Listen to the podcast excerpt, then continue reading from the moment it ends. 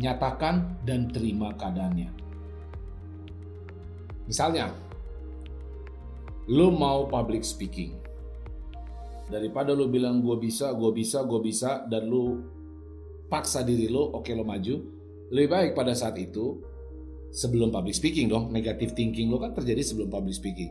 Lebih baik sebelum lo mulai lo katakan oke, okay, oke, okay, oke, okay, oke, okay, gue terima.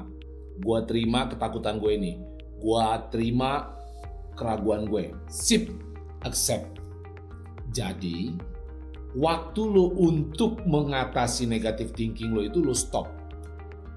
Kenapa bisa lo stop? Karena lo terima diri lo, karena lo masih netting. Terima, oke, okay, nggak apa-apa. Gue marah, nggak apa-apa. Gue takut, nggak apa-apa. Gue bingung mau melakukan apa. Wajar ini bos, wajar bos. Lo terima di otak lo. Itu langkah pertama. Terima dan nyatakan di otak lo bahwa nggak masalah lu salah, nggak masalah lo takut, nggak masalah apa pun suasana hati lo pada saat lo ingin melakukan sesuatu yang lo ciptakan negatif thinking. Kan gitu. Itu langkah pertama. Terima aja bos.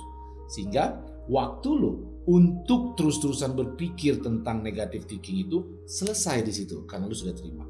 Semakin sedikit waktu yang lo pakai untuk mengatasi itu, maka sebenarnya semakin banyak waktu lo untuk hal lain nanti ke step 2 dan step 3. Jadi yang pertama, terima dulu keadaan lo